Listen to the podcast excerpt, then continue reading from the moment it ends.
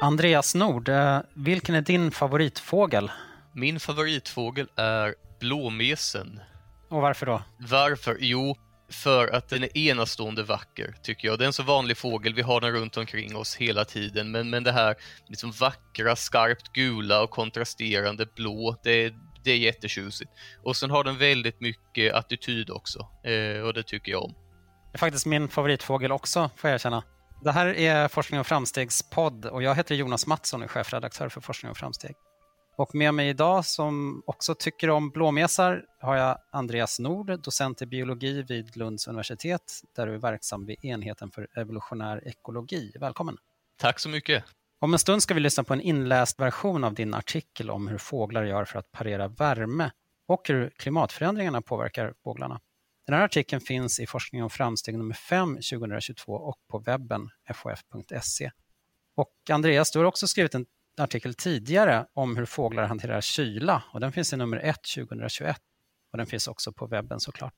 Till att börja med skulle jag vilja fråga dig, du forskar inom evolutionär ekologi, vad är det för någonting?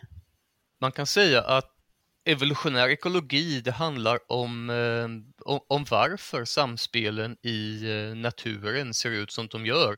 Det kan till exempel eh, vara förhållandet mellan rovdjur och byte. Hur har det här förhållandet utvecklats över tid? Hur fungerar det idag? Och vilka selektionstryck verkar nu? Och vad har det att säga om hur det här ser ut i framtiden? Hur, hur kom du in på det här området? Jag har ju alltid varit väldigt intresserad av djur i, i stort och smått egentligen. Jag har velat veta hur djur fungerar, varför de fungerar på ett visst sätt, varför de finns på en viss plats. Och eh, det gjorde att eh, det blev ganska naturligt för mig för länge sedan då att eh, studera biologi. Och sen, sen var det väl bananskalseffekterna väldigt mycket som, som gjorde att jag halkade in på detta. Så hade du just ett fågelintresse från början eller hade du, det var ett bredare intresse? så? Det var ett bredare intresse. Egentligen så var mitt största intresse när jag eh, började studera biologi, det var grod och kräldjur på olika sätt. Och jag hade nog alltid trott att eh, det var det jag skulle arbeta med. Men sen träffade jag lite olika personer på resans gång och så blev det fåglar och så insåg jag att ja, men det här är ju fantastiskt roligt. Ja, och från fåglar till fåglars temperaturreglering, hur hamnar man in på den nischen? Ja, eh, det gör man för att eh, det jag började arbeta med när jag gjorde min doktorsavhandling, då jobbade jag mycket med eh, fåglars energiförbrukning, vad som, som styr den på olika sätt. Och då jobbade jag med fåglar under häckningsperioden, alltså ungefär vid den här tiden på året när de har ägg och ungar och sådär. Och då så började jag tänka lite grann, ja men hur, hur ser det ut under andra delar av året? Och då började jag titta på fåglar på vintern och titta lite grann på vad gör en liten fågel för att klara de här olika typerna av problem som eh, långa svenska vinternätter innebär. Det är kallt, det är snö och sådär. Eh, och sen blev det naturligt då i takt med att klimatet ändrades också att börja titta på den varma delen av året med vetskapen om att eh, i stora delar av världen så är det här väldigt problematiskt. Hur studerar man det här rent konkret när man studerar fåglar? Vad tittar man på? I mitt forskarteam så jobbar vi med eh, två parallella spår. Och det ena av de här spåren så gör vi olika slags eh, experiment ute i naturen. Det kan till exempel handla om att eh, värma upp ett fågelbo eller kyla ner ett fågelbo eller värma upp ägg och sånt där för att titta lite grann på om vi gör någonting som vi tror kommer ske oftare i takt med klimatförändring, vad händer då? Och då tittar vi på sådana saker som eh, hur växer ungarna? Blir de större? Blir de mindre? Hur beter sig föräldrarna? Matar de sina ungar lika ofta? Matar de med lika mycket mat? Och, och sådana saker. Och Eh, i det andra spåret så arbetar vi eh, med olika typer av fysiologiska mätningar och då handlar det här mycket om att mäta fåglars eh, energiförbrukning. Det handlar om att mäta deras kroppstemperatur och deras köld och värmetolerans. Kylan, den förstår man ju att det går att, att studera här i Sverige hur fåglar påverkas av kyla. Eh, när du har studerat värme, är det någon forskning som går att göra i Sverige? Eller, du har ju samarbetat här med Susan J. Cunningham vid universitetet i Kapstaden i den här artikeln som vi ska lyssna på om en stund. Mm. Finns det något av, det här, något av den här forskningen som ni gör i Sverige eller är det bara i Kapstaden då? Ja, alltså vi gör mycket forskning på det här i Sverige därför att vår känsla det är att eh, detta som vi ser i andra delar av världen med eh, allvarliga värmeböljor och så vidare. Det är bara en tidsfråga innan det här kommer bli vanligt också hos oss. Vi fick ju en försmak sommaren 2018 till exempel och redan då såg ju vi att de fåglarna som vi studerar, mina blåmesar till exempel, de, eh, de hade ganska stora problem när det blev sådär otroligt varmt och torrt. Så vi jobbar mycket med det här. Vi försöker då göra olika typer av eh, simuleringar kan man säga i naturen av eh, framtida klimatförhållanden. Så vi skapar värmeböljor på experimentell väg och vi tittar på vad fåglarna gör helt enkelt och hur det går för dem. Vad hände med blåmesarna 2018, den sommaren? Det som hände med blåmesarna man kan säga så att eh, för många av dem gick det lika bra som vanligt, men eh, åtminstone just med holkar som satt exponerat och som satt framförallt i söderläge och hade lite dålig beskuggning och sånt här. Där hade vi till och med eh, fågelungar som dog av överhettning i de holkarna. Ja. Hur, hur, dramatisk är den här förändringen för fåglarna, klimatförändringarna? Nu har vi nyligen hört rapporter från Indien om fåglar som har fallit från himlen. Det låter ju väldigt så domedagsartat. Ja, och det här är ju eh, på många håll i världen så är det här en katastrof av eh, bibliska proportioner. Det är, det är inget att hymla med. Det är djur faller döda från himlen, det är inte bara fåglar. Det är, det är fladdermöss, det är andra däggdjur och sånt här som lever i träd och sånt. De faller döda ner på marken. Så det är väldigt besvärligt. Även här hos oss så där ser vi ju inte den typen av massutdöenden som egentligen finns på alla andra kontinenter. Vi har kollegor i Sydeuropa som också håller på med vanliga holkfåglar, talgoxar, blåmesar och sånt här. De rapporterar om eh, massdöd i sina holkar när de får de här värmeböljorna som de nästan alltid får nu. Mm.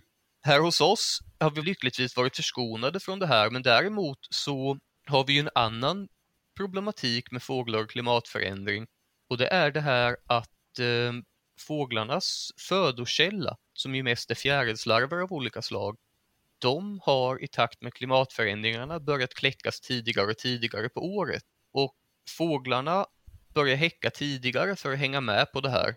Men de lyckas inte riktigt klara av det här, så de kommer alltid lite för sent för den eh, maximala födotillgången. Så på det sättet betalar fåglarna redan ett pris av att vårarna har blivit varmare. Och då är det så att när vi sammanställde våra data från Lund för de senaste 50 åren, då såg vi att fåglarna häckar nu drygt två veckor tidigare än de gjorde på 70-talet. Så det har redan hänt väldigt mycket. Men det är inte nog. Och det finns nog gränser för hur mycket de kan anpassa sig. Ja.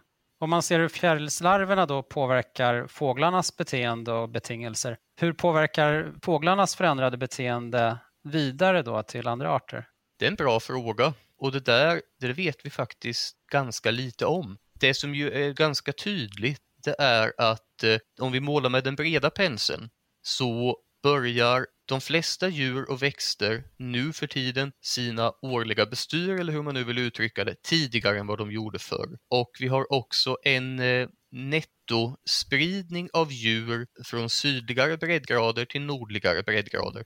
Den typen av stora förändringar har skett i naturen och sker fortfarande. Men hur det här fina samspelet på olika typer av nivåer i näringsstegen ser ut, det vet vi väldigt lite om.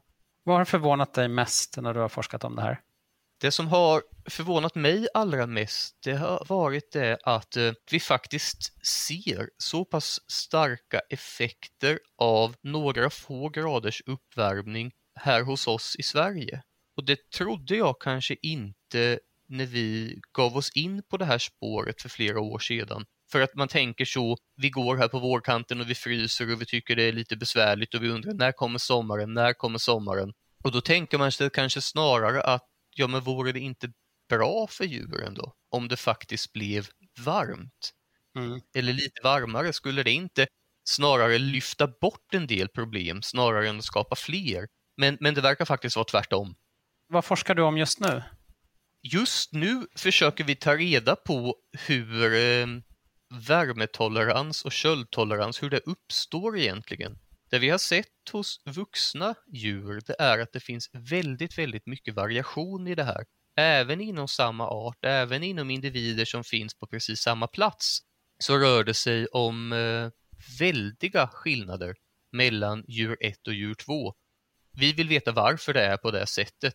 Och nu tittar vi framför allt på eh, om det här är någonting som sker under fåglarnas utveckling. Då. Vi tittar dels på embryonalutvecklingen, alltså när fåglarna ligger i ägget och dels eh, på den här tidiga delen i fåglarnas liv därför att det under den perioden som deras olika fysiologiska kontrollsystem utvecklas. Vi vet ju från de medicinska vetenskaperna till exempel att olika typer av störningar under den här typen av kritiska fönster som det kallas kan påverka väldigt mycket hur en individ ser ut och fungerar i framtiden. Nu tittar vi på om eh, olika typer av höga eller låga temperaturer under utvecklingen faktiskt gör fåglarna bättre eller sämre lämpade att eh, hantera temperatursvängningar som vuxna. Och när tror du att det finns några resultat för oss att berätta om i Forskning och framsteg? Det hoppas jag eh, att eh, vi ska kunna bjuda på redan till eh, slutet av det här året. Spännande. Du jobbar ju också med något som heter Frågan biolog. Ja. Kan du berätta vad det är? Ja, gärna. Frågan biolog är en tjänst som vi har vid biologiska institutionen då på Lunds universitet.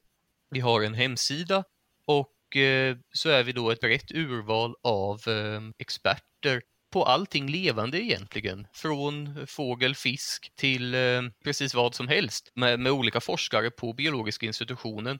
Och tillsammans så tar vi emot eh, frågor från allmänheten som man då antingen postar på Facebook eller på Twitter eller direkt via vår hemsida. Och det kan handla om saker som man ser i naturen. Oj, vad är det här för någonting? Det kan också handla om, om allmänna undringar. Vad betyder evolution? Hur fungerar evolution i praktiken? Frågorna kommer in och eh, sen så skickas de ut till den här expertpanelen som vi har och postas så småningom då på hemsidan med lite bild eller video och ett svar. Ja, utmärkt. Då uppmanar vi alla lyssnare att gå in och ställa frågor om stort som smått om allt levande på frågan biolog. Men det vill jag tacka dig Andreas Nord. Tack så mycket. Nu ska vi lyssna på Andreas och Susan J. Cunninghams artikel som även finns att läsa i Forskning och framsteg 5 2022. Den heter Så håller sig fåglar svala i värmen. Och du som vill prenumerera på Forskning och framsteg kan alltid gå in på ff.se podderbjudande. Artikeln är inläst av Joakim Jennefors på Iris Media. Så håller sig fåglar svala i värmen. Strupfladder och flämtandning är några av tricken som fåglar tar till för att överleva höga temperaturer. I en allt varmare framtid kanske det inte räcker, skriver fågelforskarna Andreas Nord och Susan J. Cunningham. Sommaren är här med ett hektiskt fågelliv. Vinterns iskyla är ett minne blott. Men sommarvärmen kan också bli ett hot. Det är lätt att tänka sig att det bara är fåglar i öknen eller i tropikerna som måste förhålla sig till varma sommardagar. Men det stämmer inte. Fåglar över hela världen riskerar att ibland drabbas av överhettning. Här hos oss i Norden kan det ske redan vid normala sommartemperaturer. Vad gör då fåglarna för att hålla sig svala en varm dag? Den första försvarslinjen handlar om att anpassa beteendet. Fåglar är ganska lika oss människor. När de tycker att det är för varmt gör de sitt bästa för att fly undan värmen. Det fungerar bra eftersom det kan skilja mer än 20 grader mellan den varmaste och den kallaste platsen inom samma område under en varm dag. Olika ökenfåglar gräver till exempel små gropar i skuggan under buskar och lägger sig som ett frimärke mot den kallare sanden. Vissa fåglar tar till och med sin tillflykt till underjordiska tunnlar som andra djur har grävt. Det motsatta, att komma upp på lite höjd, kan också vara bra. Rovfåglar stiger till hög, sval luft med hjälp av uppåtvändande varma luftströmmar, så kallad termik. Vissa flyttfåglar färdas upp till över 6000 meters höjd under dagen när solstrålningen är stark. Under natten, när de slipper solen, flyger de lägre, ner till 2000 meters höjd. Marklevande fåglar i sin tur kan vinna mycket på något så enkelt som att sätta sig på en sten eller i en låg buske. Då kommer de upp lite från marken där luften står alldeles stilla och värmestrålningen från omgivningen är som allra mest intensiv. Hur snabbt en fågel avger värme beror på hur mycket varmare den är jämfört med sin omgivning. Nedkylningen blir större om blodflödet ökar till ben och näbb. Då blir den lokala temperaturen ännu högre och värmeförlusten går snabbare. Ett svårt problem under varma dagar är det faktum att fåglar producerar stora mängder värme när de är aktiva. En liten fågel som en entita eller blåmes har en kroppstemperatur på mellan 44 och 45 grader när den flyger bland träden en sommardag. Även om det är mulet och svalt ute. Om den inte ska överhettas måste den kunna göra sig av med all den här värmen. Det enkla är ofta det bästa. Om du blir varm av att vara aktiv är det klokt att vila.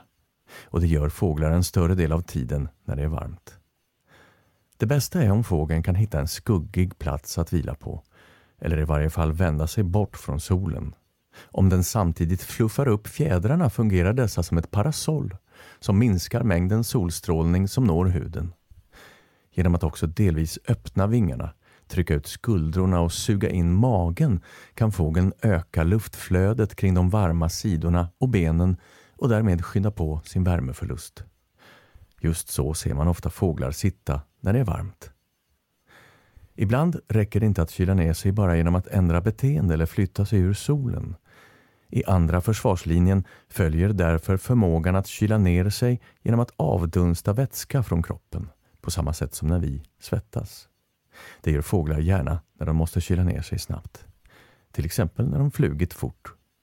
När omgivningen är varmare än fågeln, som den kan vara på många platser, är avdunstning faktiskt fågelns enda möjlighet till nedkylning. Fåglar saknar förvisso svettkörtlar men vissa grupper, till exempel duvor, kan ändå styra hur mycket vatten som avdunstas genom huden. Det är möjligt tack vare två olika mekanismer som verkar tillsammans, men över olika tider. Hur mycket vatten som huden kan släppa igenom beror på vilka olika fetter den innehåller. På samma sätt som ett välvaxat bomullstyg inte är lika genomsläppligt som ett obehandlat. Det kan fåglarna ändra på om de har tid på sig. Till exempel mellan vinter och sommar. För omedelbara förändringar reglerar fåglarna blodflödet till huden. Duvor, och säkert många andra fåglar, har ett sätt att öka blodflödet i början av de allra tunnaste blodkärlen, kapillärerna, men strypade i andra änden. Då bildas ett övertryck så att vätska pressas ut genom kärlväggen och lägger sig under huden där den kan avdunstas. Den stora ytan gör hudavdunstning mycket effektivt. Många duvor är därför ohyggligt värmetoleranta. Fler arter överlever temperaturer över 60 grader, åtminstone en tid. Andra fågelgrupper, som höns och sjöfåglar, kyler ner sig med hjälp av strupfladder. De spänner ut skinnet på halsen och ökar blodflödet dit samtidigt som de med öppen näbb mycket hastigt fladdrar med strupskinnet. Det skapar en stor, fuktig och varm yta för avdunstning. Tänk på detta när du nästa gång ser en skarv sitta på en sten i solen en varm sommardag. Sångfåglar. Den vanligaste fågelgruppen hos oss i Norden saknar förmågan till strupfladder och är inte heller särskilt bra på att avdunsta vatten via huden. De begränsas därmed till att flämtandas för att svalka sig. Det är ganska ineffektivt att avdunsta vatten bara från andningsvägarna och näbbens insida. Dessutom är det ansträngande. Det ökade muskelarbetet som krävs för att flämta gör faktiskt den redan varma kroppen ännu varmare. Sångfåglarna är därför våra allra minst värmetoleranta fåglar. I den globala uppvärmningens kölvatten tvingas fåglar över hela världen i ökande utsträckning men med varierande framgång att hantera extrema temperaturer. Medeltemperaturen kryper sakta uppåt och allvarliga värmeböljor har blivit en del av vår vardag. Effekterna är tydliga. Hundratals fåglar faller döda till marken under extremvärme i till exempel Australien och södra Afrika. I Sydeuropa har hela årskullar av vanliga holkfåglar som talgoxe slagits ut under värmeböljor. Hetta är också ett relativt begrepp. I polartrakter kan temperaturer så låga som 8 12 grader vara nog för att ungarna ska avlida. Problemen börjar dock hopa sig redan vid mycket beskedligare temperaturer. Att vila oftare när det är varmt är till exempel inte någon helt säker strategi. För om fåglarna rör sig mindre kan de inte få i sig så mycket mat som de behöver och inte heller förse ungarna med föda. Det är också i det närmaste omöjligt att flämtandas och samtidigt använda näbben för att äta. Så under varma dagar blir vuxna fåglar svagare och ungarna växer sämre. I extrema fall överger föräldrarna faktiskt sina ungar eller ägg eller låter bli att häcka från första början. Att hålla huvudet kallt i en allt varmare och mer oförutsägbar värld är därför ingen lätt uppgift. Prognoser tyder på att fågelpopulationer i redan varma och torra områden kommer att krympa rejält. Med allt mer frekventa värmeböljor och torka på högre breddgrader är det sannolikt att även våra fåglar går samma öde till mötes. Du har lyssnat på ett samtal och en artikel från Forskning och framsteg. För att prenumerera på Forskning och framsteg, gå in på fof.se podderbjudande. Rösten i reportaget är Joakim Jennefors från Iris Media och medverkade i samtalet gjorde Andreas Nord, docent i biologi vid Lunds universitet. För ljudteknik, klippning och vignett står Per Dahlhjelm jag heter Jonas Mattsson och är chefredaktör för Forskning och framsteg. Tack för att du lyssnade.